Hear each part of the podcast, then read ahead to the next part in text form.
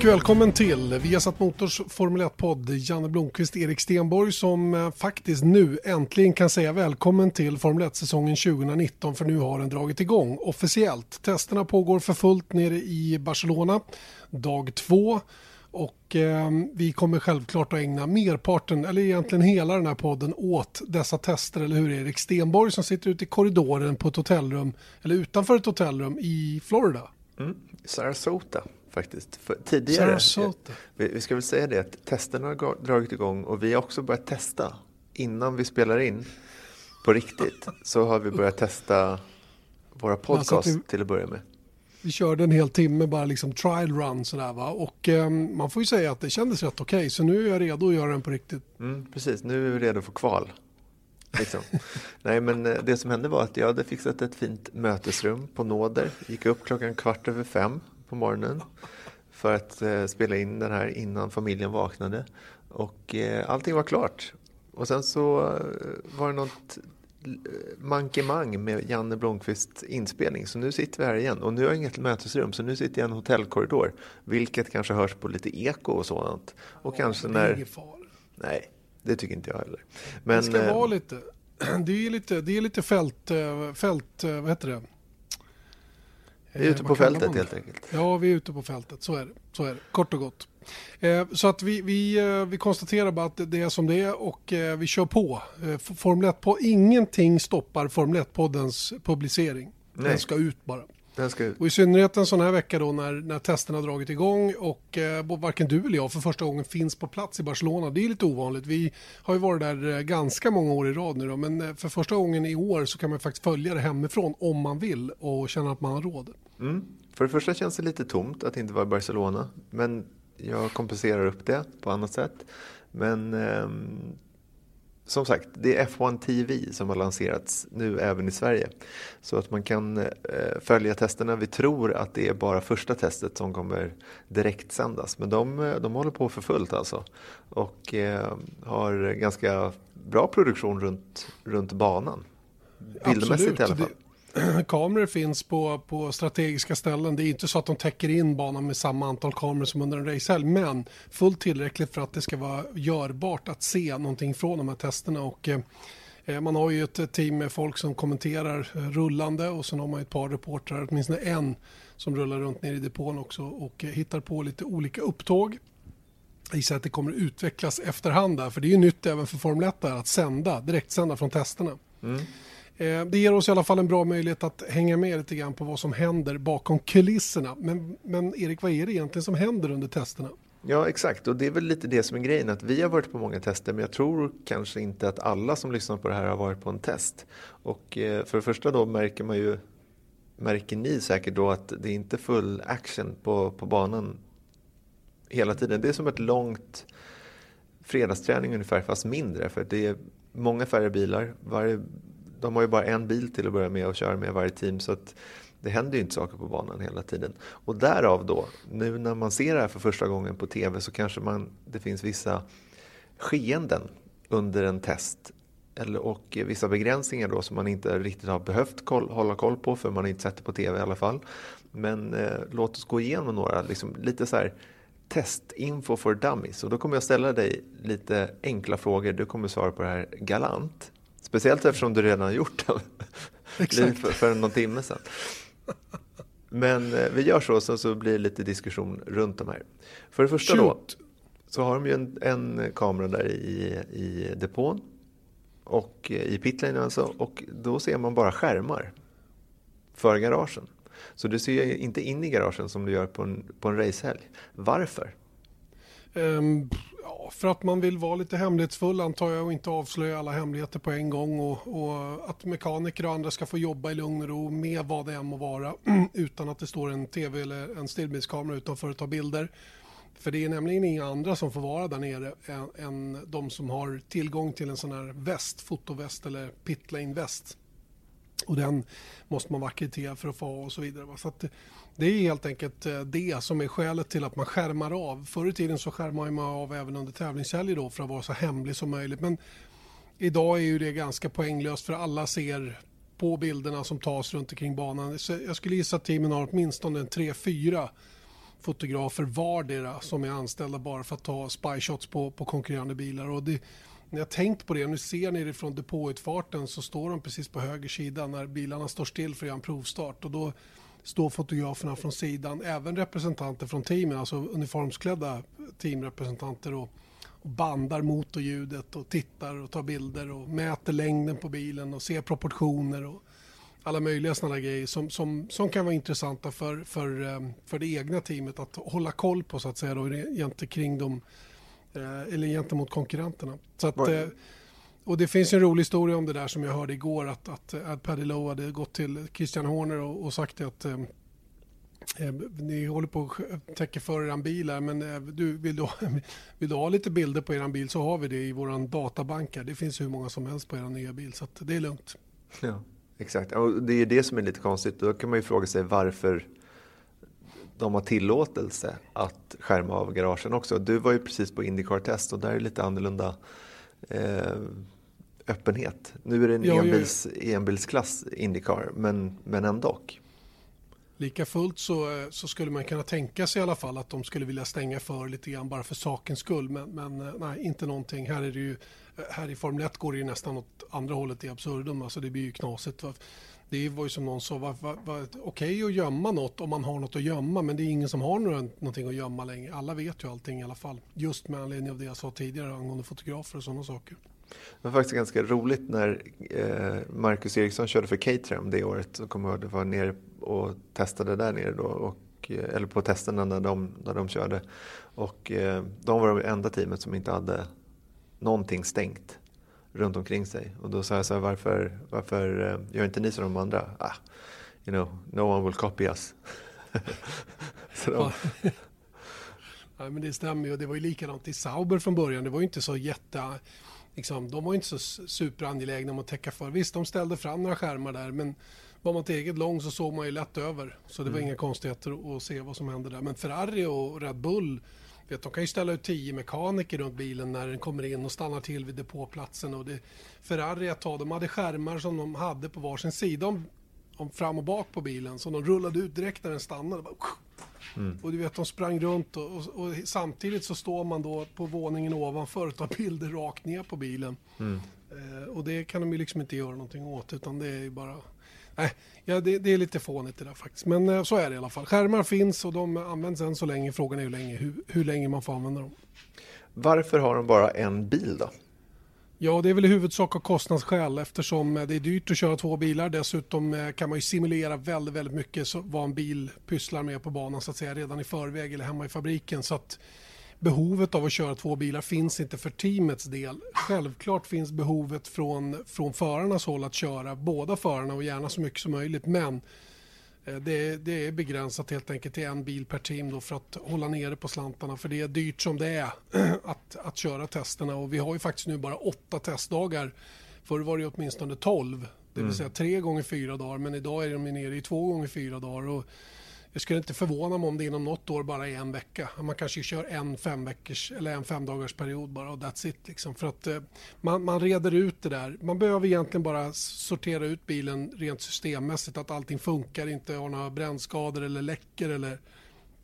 Och det kanske tar två dagar eller två förmiddagar att göra det. I bästa fall då.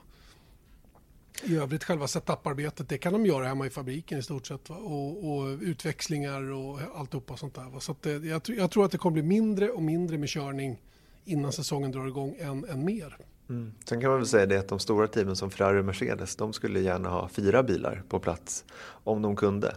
Men eh, det, de har i alla fall liksom- råd med det. Ja exakt, men och logiken att göra det för det att de skulle kunna Liksom. Du, Erik, jag tror så här att skulle du fråga alla teamchefer så skulle ingen, ingen skulle kräva fler dagar, testdagar. Det tror jag inte. Nej. Jag tror faktiskt att de är fullt nöjda. Och, jag kommer ihåg vi pratade med James Allison förra året. Han sa ju det att vi, vi kan simulera allt. Precis allt hemma mm. i fabriken. Vi behöver egentligen inte köra så himla mycket. Inte ens förarsimulatorn som de har är egentligen superviktig. Den är viktig till viss del och med vissa saker under pågående racehelger när det gäller att testa ut grejer och jobba in andra vindförhållanden eller vad det nu kan vara. Men, men den har ingen avgörande betydelse på det viset. Alltså denna in the loop-simulatorn då som man kallar den, där föraren sitter och kör. Just det. Begränsningar på däck då, finns de? Ja, i antal set däck som man får använda under en hel säsong finns en begränsning till 110 set. Eh, men jag tror, ehm, jag, tror, jag tror att det är tillräckligt för att känna att det inte är någon begränsning egentligen. Det man måste bestämma sig för är vilka gummiblandningar man vill ha under försäsongstesten och beställa den av Pirelli i förväg. Man kan inte ångra sig. Har man inte beställt några av de allra mjukaste däcken då får man inga om man inte har gjort det vid, vid deadline. Så att säga så att, och det är ju för, av produktionstekniska skäl för Pirelli helt enkelt. Men 110 set däck, det, det, jag har aldrig hört talas om att det har tagit slut någon gång. Eh, att man har fått ställa in en test för att man inte har däck kvar att köra. Utan eh, jag skulle kunna tänka mig att det går en eh, 50 50-60 set däck här under försäsongen, typ. Mm. Någonting sånt. Och mm. jag kan också eh, bara påpeka det att om den, den skarpsynte kommer se att däcken i år är väldigt blanka. Det ser ut som de har tagit så här, oh. lite extra vinylglans. Exakt. När de ska köra ut på dem. Och varför är det så? Ja, det är ju tydligen så att man, eh, man har gjort dem, eller de blir så här blanka för att man har byggt dem på ett annat sätt för att komma till, komma, komma till rätta med problemen man har haft. Det vill säga blister och graining. Och faktum är att Eh, även om det ser blankt och fint ut när de rullar ut så försvinner det på en gång.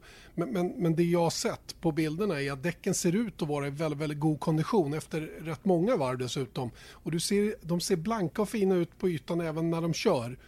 Vilket förr man kunde se ofta att de hade en, en rand av blister eller en, en, ett mörkt parti med, med, med graining. Va? Ah, det verkar inte vara på det sättet i år, verkligen inte. Och eh, jag tycker det är, ett, det är ett stort steg i rätt riktning om det nu, om det nu är så att, att det är på det viset. Mm. Det är tydligen det, det, faktiska varför de blir blanka också är att de har krom, eh, vad heter det, pläterade eh, eh formar för däcken. Aha, vilket gör att de är mycket mera, de, de, de är finare liksom. Ja. Bättre, så att, eh, ja, det är tydligen ja, men jag, så, jag, såg, jag såg, eh, jag tror det var Max Verstappen igår, då man fick en bild precis när han lagt på nya däck. Det ser ju fånigt ut, det ser ju som om man har stått och polerar dem hela förmiddagen och sen slänger på dem. Eh, men, men det är alltså inte skälet utan de är blanka. Hej, jag Ryan Reynolds. Recently, I asked Mint Mobiles legal team if big wireless companies are allowed to raise prices due to inflation. They said yes. And then when I asked if raising prices technically violates those onerous two-year contracts, they said, what the f*** are you talking about, you insane Hollywood ass?" So to recap, we're cutting the price of Mint Unlimited from $30 a month to just $15 a month. Give it a try at mintmobile.com slash switch. $45 up front for three months plus taxes and fees. Promoting for new customers for limited time. Unlimited more than 40 gigabytes per month. Slows. Full terms at mintmobile.com. Ändå. Så är det. Eh, en annan sak med däcken är att man har ju sänkt temperaturen på, på äh, däckvärmarna i bak från 100 till 80 grader. Och det här eh, har ifrågasatts lite grann då för att det gör ju att det är lite svårare att komma iväg och, och ha grepp i bak på en gång när man åker ut ur depån. Till exempel efter ett depåstopp under pågående race. Men man testade det där i Abu Dhabi och köra 80 grader både bak och fram för att se om det var en, en, eh, en rimlig uppvärmning ändå av däcken så att säga när man väl kom ut. Och jag menar, det är ju inget eh, konstigt. Det är ju många tävlingsklasser, F2 till exempel, Indycar har ju inga däckvärmare överhuvudtaget. Va? Så det beror lite på hur man bygger däcken och, och hur, hur, man vill ha dem. Men man måste ju vara beredd på det och det var någon tror jag igår, Kimmy Grosjean som, som båda hamnade ut i samfållan direkt efter att ha kommit ut ur depån som kanske torskade dit lite på det där. Mm. Ja, Grosjean var som vanligt vocal about it, om man säger så. Han, han tyckte att det var helt befängt att man ja, skulle ha, sänka det där. Han, han, hade ing, han hade ingen att skylla på. Han får leta upp någon annan syndabock i depån nu. Ja, precis. Det var inte, han kunde inte tro att det var Eriksson som körde på honom i alla fall. Ja, det, du, det går säkert att få till det ändå på något sätt. Ja, på något vis. Men du, eh, låt oss gå vidare. Finns det begränsningar på motorer och växellådor? Det gör det ju mm. under säsong, men, in, men hur ser det ut under tester? Nej, inte i reglementet så vitt jag vet så, så, finns det några begränsningar på motorer och växellådor utan det är väl mera begränsat i form av eh, vad leverantören eller vad man har i sitt avtal med leverantören om man är kund. Eh, Mercedes och Ferrari som fabriksteam, de tror jag inte har någon begränsning överhuvudtaget. Så att eh, det är lugnt.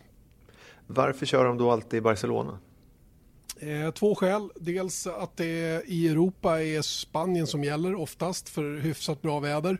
Det är inte bara Spanien, men, men i kombination med att den här banan och dess layout passar väldigt bra för tester så, så har man hamnat där helt enkelt. Och, eh, banans layout är ju av lite olika karaktär beroende på var på varvet du är någonstans. I början är det väldigt snabba svängar då som man har nytta av när det gäller den typen av kurvor.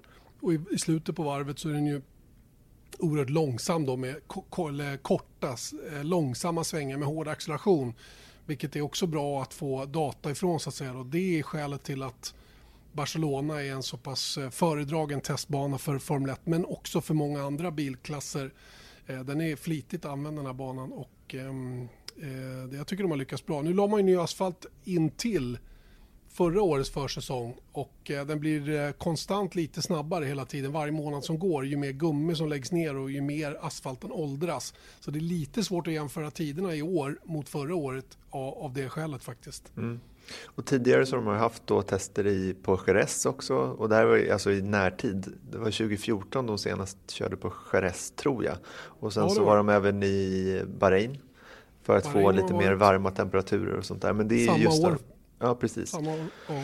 Så det är ju eh, det är de här kostnadsskälen. Till och med att bara flytta sig från Jerez till Barcelona om man skulle köra på två olika banor så, så ser man ändå att det är en, en eh, kostnadsmässigt eh, oförsvarbart. Visst, visst är det på det viset och det finns ju ingen poäng med att hålla på och flytta runt om man nu kan hitta allt det man behöver på ett och samma ställe och det är ju det det handlar om. Och alla de här som kör ner delar och alltihopa. Det är, det, det är förhållandevis enkelt att ta sig till Barcelona oavsett om man är baserad på kontinenten eller i, i UK då, eller England, vilket merparten av teamen är då. Mm. Eh, så att ja, det, det, jag tycker Barcelona är en alldeles utmärkt anläggning. Det är ju en ganska trist bana i övrigt. Den är alldeles för aerodynamiskt påverkande den, den, kräver så mycket av bilen aerodynamiskt för att vara en sån här riktigt bra racebana. Men som testbana är den ju perfekt i det avseendet. Mm. Sen så ser man ju då, eh, inte än i år har man sett några liksom, nya icke-raceförare eller icke-kontrakterade att racea förare. Men Nej. vilka får testa? För att skulle, mm, skulle vem som helst kunna få hoppa in i en F1-bil. Såklart om man har racinglicens och har eh, rätt licens. Ja, det krävs ju någon som heter internationell A-licensen då för att få köra Formel 1-bil eh, under tester då. Eh, men för att få tävla i Formel 1 så måste du ha en så kallad superlicens och den kräver ju då 40 superlicenspoäng minst.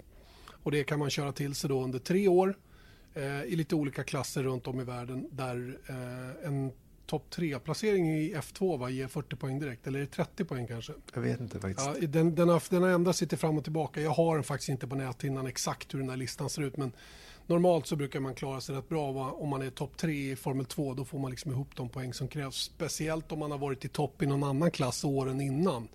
Så då, då sopar man ihop den där 40 ganska lätt.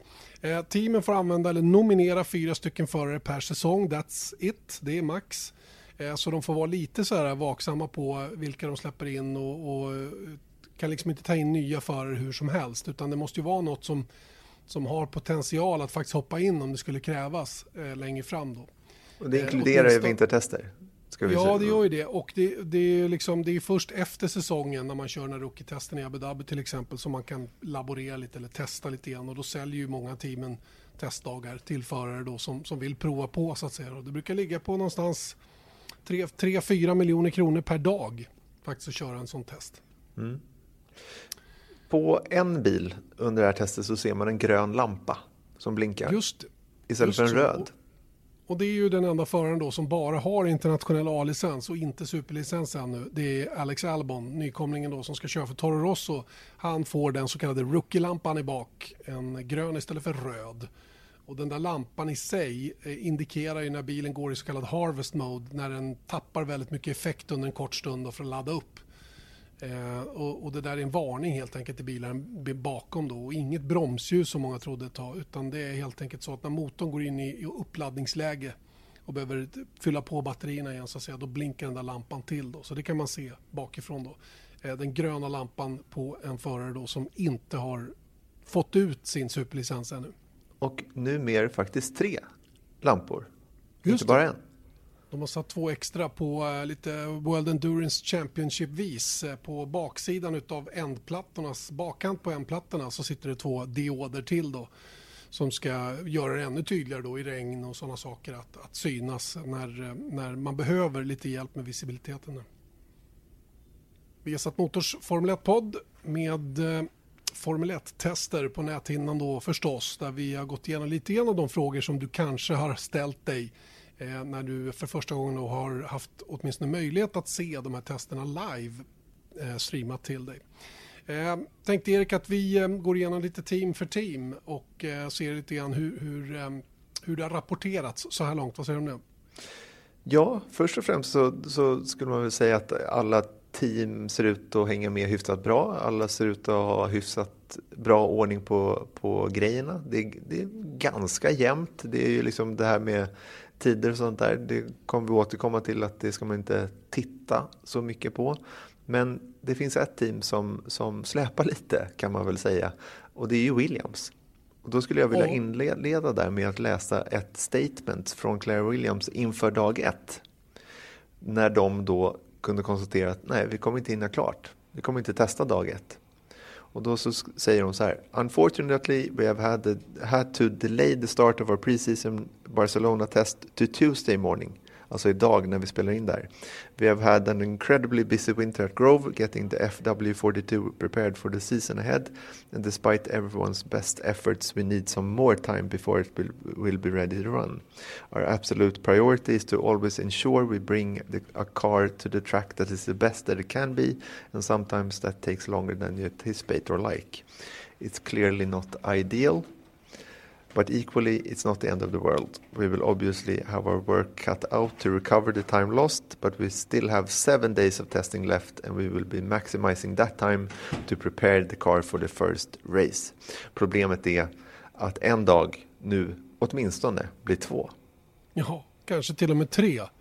Och eh, det går rykten direkt om att eh, teamets tekniska direktör då och eh, en som även har investerat i teamet, Paddy Lowe, kan få lämna teamet med anledning av det här. Och, eh, det finns ett, ett, starkare rykte än något annat om varför man är försenade. Det är helt enkelt att man, är, man var för sen med att bestämma sig för att producera delarna till bilen, de som man nu ska använda. Det här hänger ihop med att man troligen har sett på de datakörningar och simuleringar som man gör hemma i fabriken att bilen är för långsam. Och då har man försökt göra någon form av quick fix, antar jag. Mm. Och, och liksom se om man kan lösa det lite hastigt. Eh, och, och, det drog ut på tiden då vilket koncept man bestämde sig för att köra och till slut blev det för sent och sen hann man inte bygga ihop bilen till dag ett och nu så sannolikt också dag två, kanske även dag tre. Eh, det sägs att bilen ska flygas ner ikväll eller under dagen idag, dag två. Eh, för att vara på plats här till imorgon. Men vi, vi, det får återkomma om det helt enkelt. Va? Men, men eh, det är inte bra för Williams i alla fall som var sist förra året och hade behövt ta ut båda förarna köra en hel del. Eh, George Russell då, rookien och återkommande eller comebackande Robert Kubica då. Det, det, det, är inte alls bra där som har hänt. Jag tycker nästintill det är lite skandal faktiskt att det har hänt.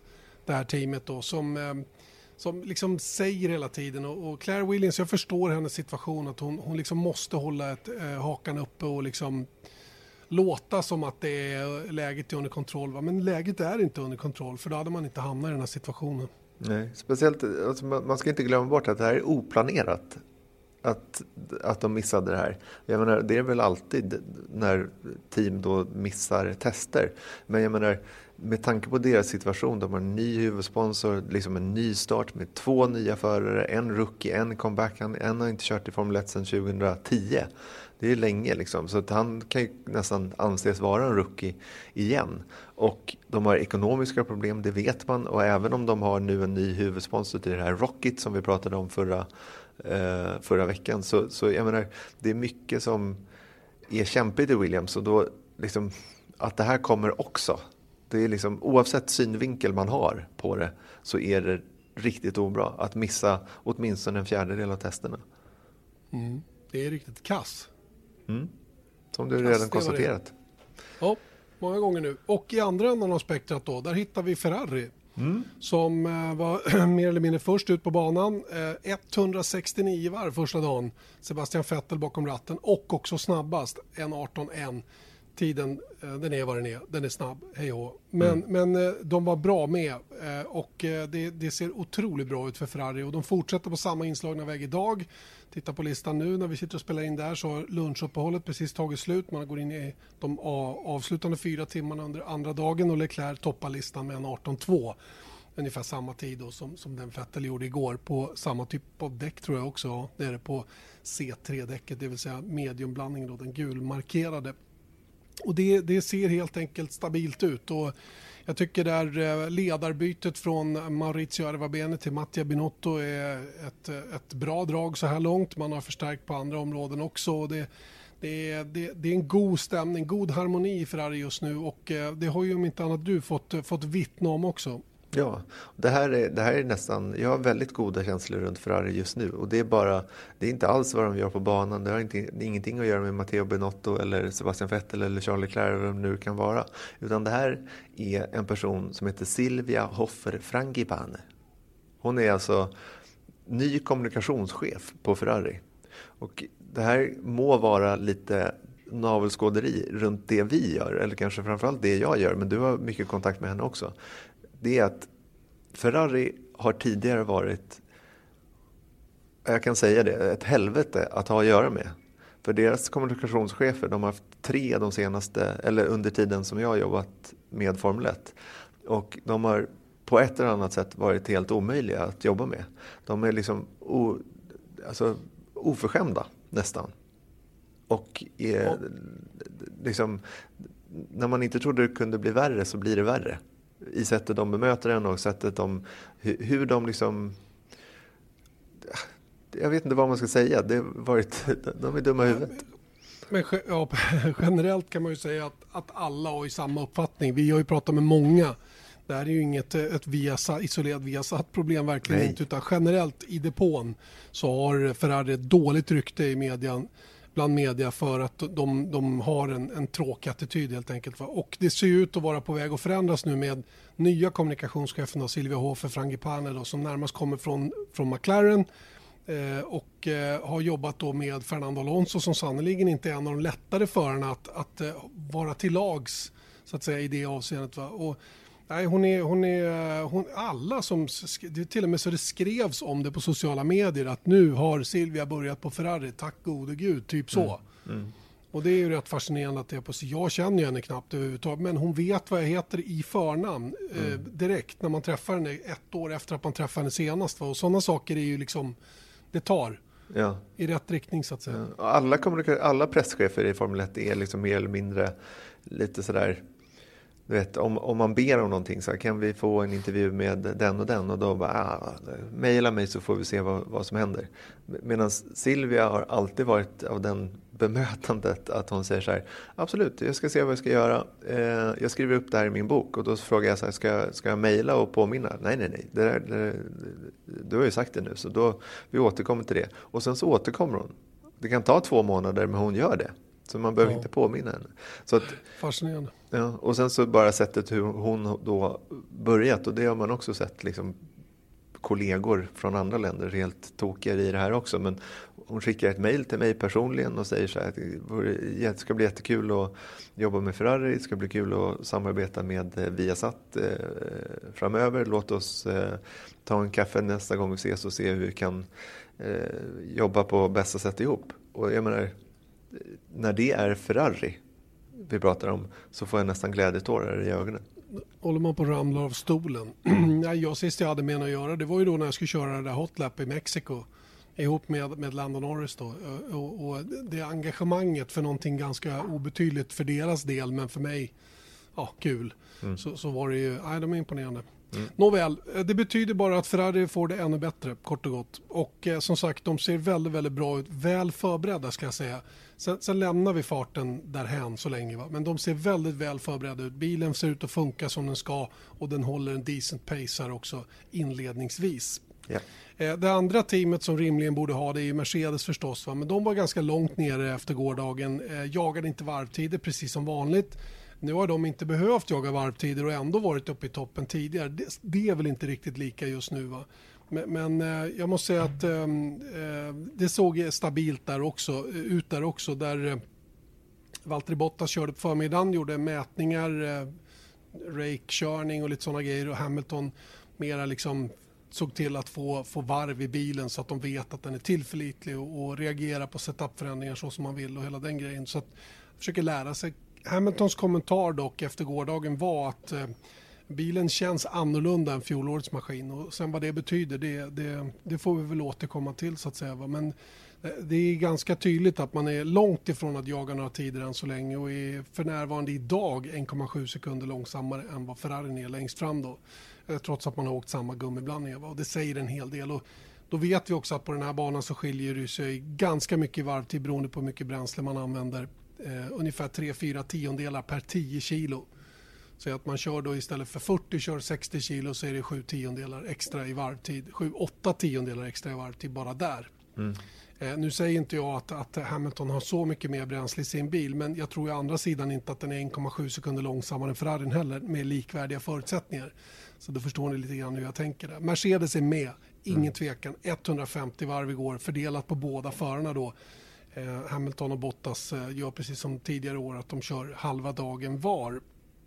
Det faktum, jag vill bara lägga till en enda grej där och det är att det faktum att Ferrari ser så pass bra ut, bortse, alltså bortse från att eh, Ferrari var eh, etta och eh, Mercedes var P8, P9, så är det ändå så att just det faktum att Ferrari är så pass bra med, det är bara bra.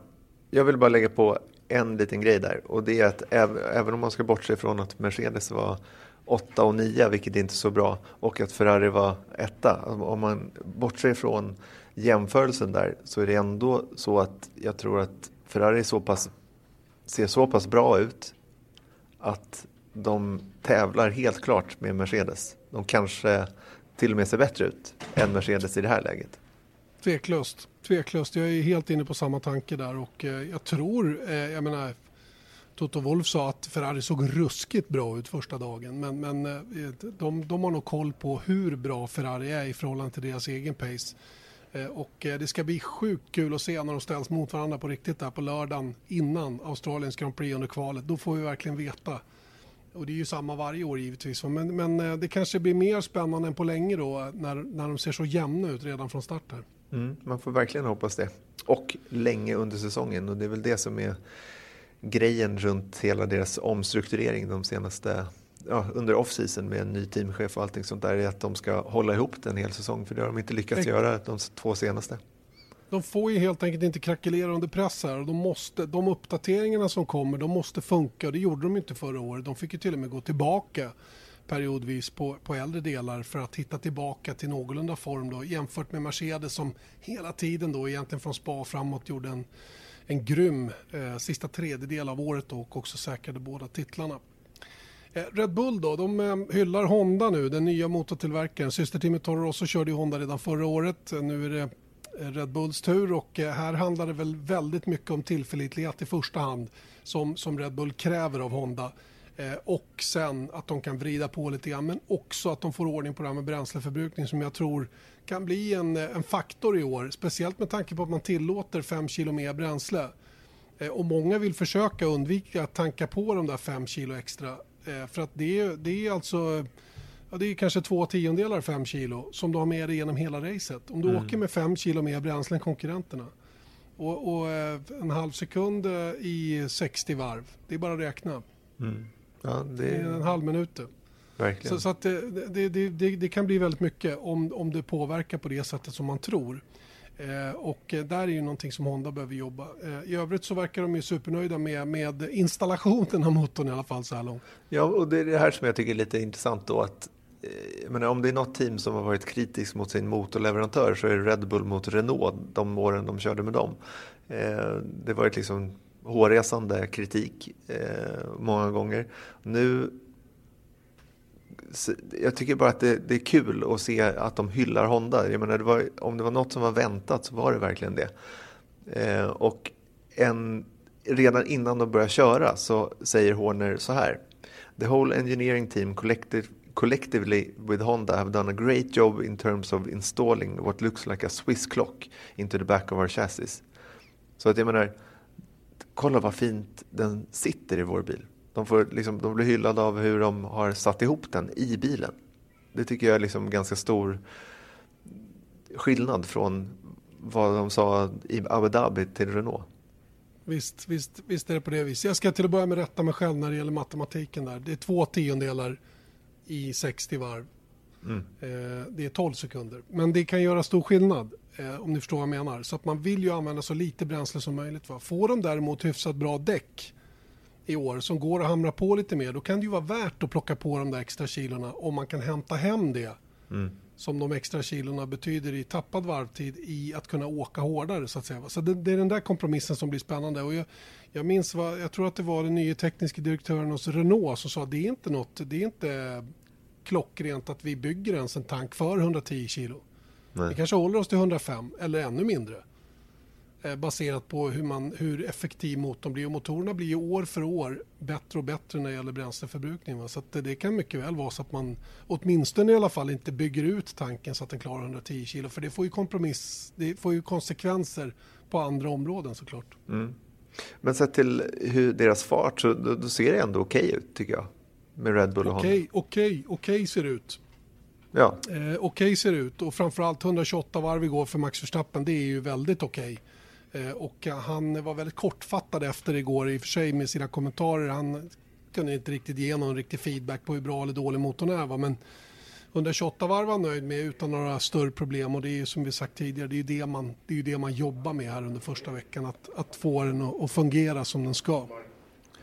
Exakt, nu kommer lite byggarbetare här också. Ja, vad härligt. Det, det, lite, det, jag blir väldigt orolig för det är en väldigt stor maskin de bär på så jag hoppas att de håller sig borta ett tag. Ja, Ja, vi snabbar vi på. Ösa, ja. Vi får ösa på lite grann. Red Bull som sagt fyra igår. Eh, placeringen lägger vi lite grann åt sidan med 128 varv. Det tar vi med oss. Det var väldigt viktigt för deras del. Eh, Alfa Romeo då, väldigt, väldigt eh, uppsnackade inför säsongen. Alla tror ju att det här med att det står Alfa Romeo ännu mer att de heter Alfa Romeo Racing generellt ger fyra tiondelar, minst. Kanske ja. en halv sekund. Kanske en till och med. Vilket är helt fascinerande egentligen om man ser till det lite djupare så är det konstigt att bara ett, en namnändring kan göra bilen snabbare. Mm. Samtidigt då så, så avslutar de ju, eller hela 2018 var ju starkt för, för Sauber som de hette då. Eh, och de var, var, var, bra med i slutet också. Och jag menar, det är väl lite tack vare det då som man, att de har höga förväntningar på sig. Men om, jag tycker att om man läser på artiklar och, och tyckare som uttrycker sig om Alfa Romeo så är de nästan, känslan är nästan så att de är garanterade best of dress-platsen på fjärde plats i VM. Det vore, nog lite, det vore nog lite förhastat att dra sådana slutsatser tycker jag redan. Va? Det är klart att bilen ser bra ut tycker jag och Kimi Räikkönen i bilen igår gjorde absolut eh, en, en bra insats och Giovinazzi ser ut ungefär lika bra idag. Eh, men, men, att direkt utnämna dem till bäst av resten, det tycker jag är, det är knasigt egentligen. För motståndet kommer att vara stenhårt. Vi har ju Racing Point, vi har eh, Toro Rosso, vi har eh, Renault som, man, som naturligtvis kommer att vara med. Nu är de mer ett fabriksteam i och för sig? Men, men i alla fall. Eh, så det är det de finns, de tävlar mot? Ja, Rimligen. lite så. Va? Rimligen. Va? Så att, eh, nej, men är, är Alfa bättre än, än fjolåret så, så är det gott nog. Mm. Eh, och eh, Sen får vi se hur det räcker mot konkurrenterna. För det spelar ingen roll hur mycket bättre bil man gör från ett år till ett annat. Allt måste ju ställas i relation till vad konkurrenterna gör. Och det är det som vi inte vet riktigt just nu. Va? Men, men ehm, det såg, såg väldigt bra ut igår och eh, 114 varv tror jag det blev för Kimi Räikkönen första dagen. Och, och till synes då utan två små missöden en, av, en avåkning, en snurr då, eh, som gjorde att han fick bärgas. Men i övrigt så rullade dagen på som den skulle för deras del. Eh, fortsätter vi med teamen då eh, på den undre halvan då så att säga, eller utanför topptrion om vi kan kalla den det då. Eh, så har vi Renault förstås, eh, Daniel mm. Ricciardo och Nico Hülkenberg. Vad säger vi om dem? Bra, bra föruppställning i alla fall. Ja, det måste man säga. Och vi pratade om hjälmar förra, förra veckan. De verkar inte ha några problem med det, att få fram hjälmar. Men, men Ricardo har en, en, en test-livery på sin hjälm. Ja, Han har till och med skrivit det. Ja, det tyckte jag var lite kul faktiskt. Eh, Daniel Ricciardo som har stora förväntningar på sig givetvis när han kommer till Renault. Renault som i sin tur har stora krav på sig från ägaren Renault.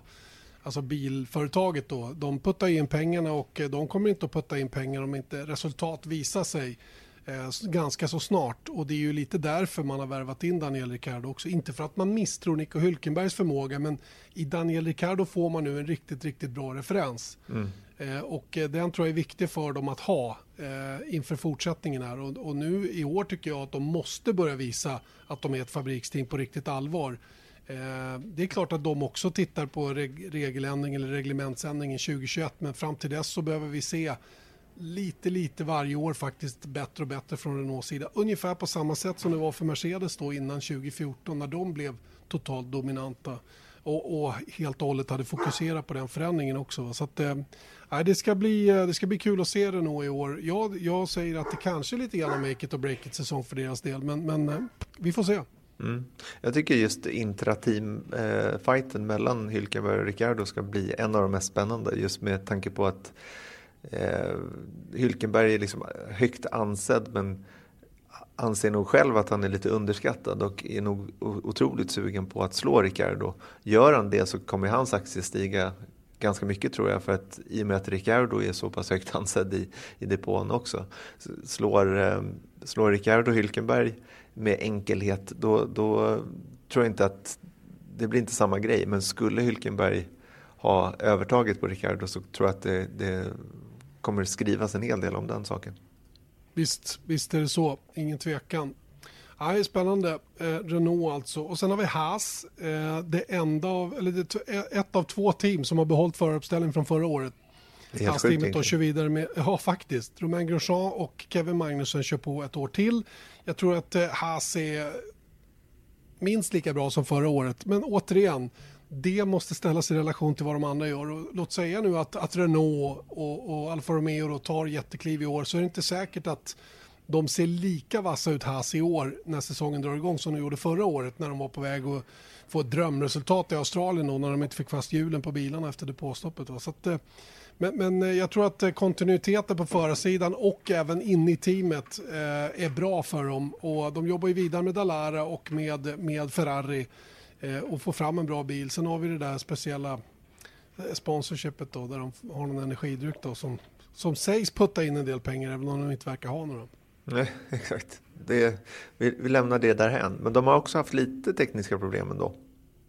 De två dagarna som körts. Ja, det var lite bränslestrul igår. Bränsletrycket eller bränslesystemet som trasslade under gårdagen. Idag har Magnusen, som visserligen just nu är tvåa på tidlistan, men bara 33 körda varv, ska jämföras med Leclercs 80 efter fyra timmar så har det varit mer tid i garaget än har varit på banan och det är nog inte det som, som är att föredra.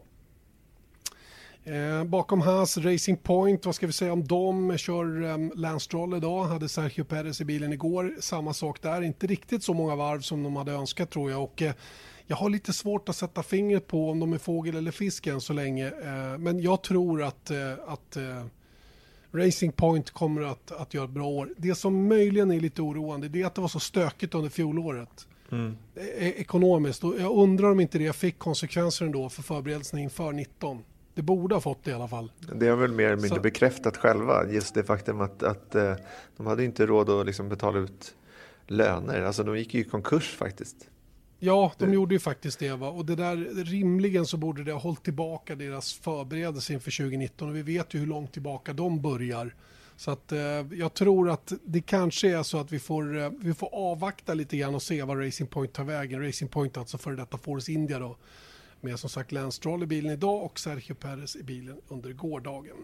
Eh, McLaren är ju ett annat team som eh, har lite kniven på strupen att börja prestera nu. McLaren som eh, två nya förare, två ungdomar. Carlos Sainz som kommer närmast från Renault och tidigare eh, hos Red Bull-familjen och sen ska han då köra tillsammans med Lando Norris trean i Formel 2 förra året och som körde ett antal fredagsträningar för McLaren förra året.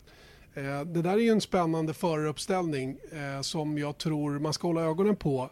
Frågan är bara hur bra McLaren-bilen är. Igår var de näst snabbast men, men eh, det finns elaka tungor som sa att det var lite glory runs. Jag vet inte hur det ligger till med den saken. Den, det djupet på, mina, på min information har jag inte just nu. För det första så tänker jag att Lando Norris kom tvåa. Var han I... tvåa? Var det, var det inte Alex Albon som var tvåa? Men jag kanske hade Nej, vänt dem i fel ordning. Jag kollar, jag kollar. Nej, Russell, Norris och Albon.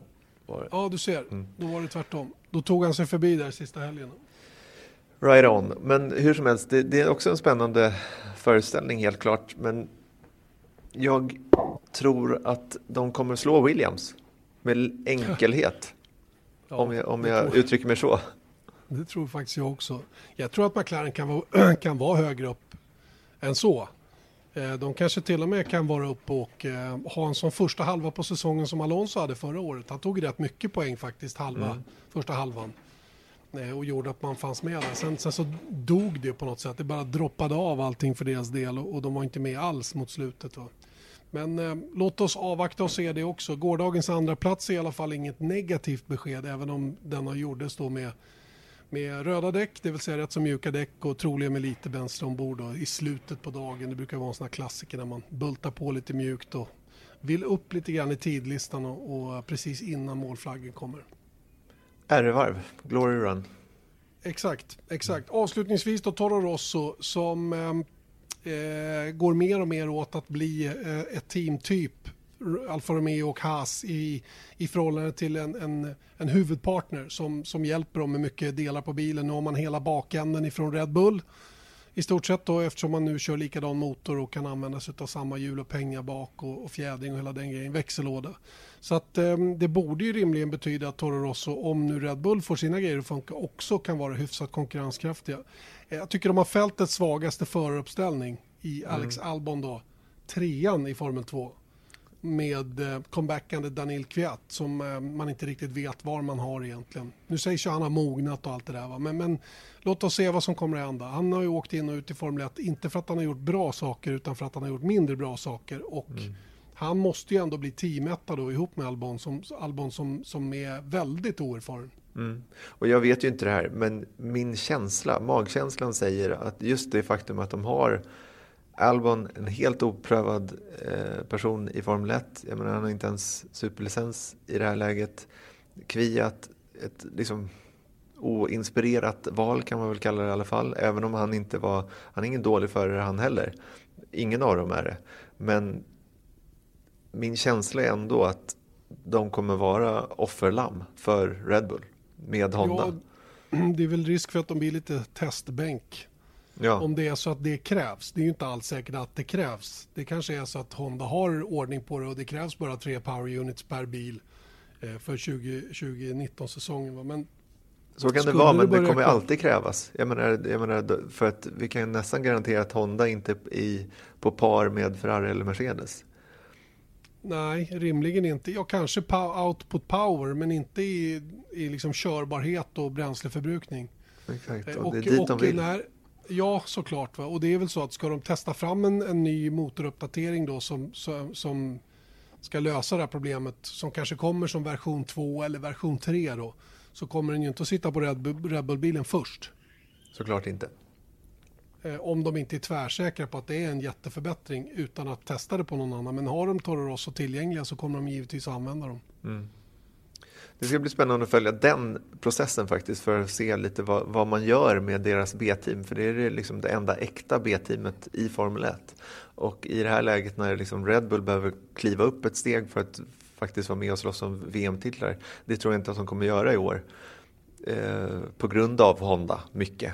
Mm. Men, mm. men eh, här, kan man, här kan man nog få se eh, det brutala i Formel 1 det är inte helt lyckligt, eller den är inte helt lyckad den här utvecklingen tycker jag med A och B-team. Jag, jag, är inte, jag är inte helt tillfreds med att ett, ett, eh, ett kundteam eller privatteam är så starkt lierat med en viss tillverkare. Jag, jag, det känns inte hundra. Det gör det inte. Jag hade mer oberoende skulle jag vilja se. Sen får det gärna vara större och mindre team med olika budgetar. Men att vara så i händerna på någon annan, det, det, det är inte bra. Det, det, det blir skumt liksom det, det, blir, det är lite DTM-varning på alltihopa. Mm, lite faktiskt. faktiskt. Mm.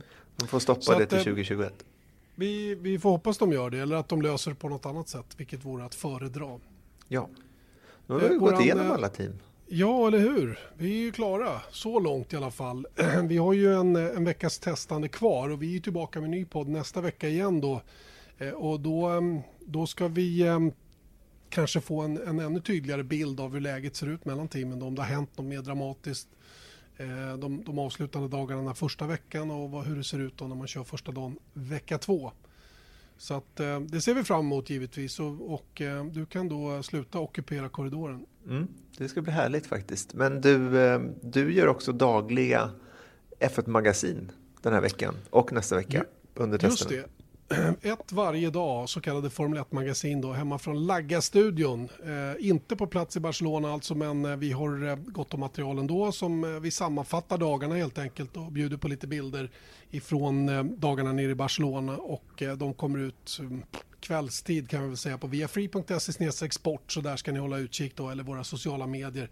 Där brukar den ju också promotas. Så att eh, Formel 1-magasin varje dag alltså under testerna eh, fram till dess att det är helt avslutat då. Sen kommer Sen kommer vi tillbaka till premiärhelgen i, i, eh, i Melbourne, Australien. Så säger vi. Tycker du den här podden var bättre än den förra vi spelade in? Ja, på något sätt känns den lite mer stringent. Ja, jag tycker... Då kan ni tänka er hur det förra var. Ja, exakt. Det var, det var alldeles för tidigt på morgonen för min del. Exakt. Jag kunde inte tala. Det kan jag fortfarande Nej. inte, men lite bättre i alla fall. Kaffe, jag har fått en kaffe nu i alla fall. Right on. Hörru du, nu ska jag åka till Tampa Bay. Ja, Via Sankt Petersburg och kolla in ja, banbygget där borta. Det måste du göra. Ta några coola bilder som jag får. Det ska jag försöka göra. Ha det bra, Janne Blomqvist. Du också, Erik Stenborg. Hej då! Hej då!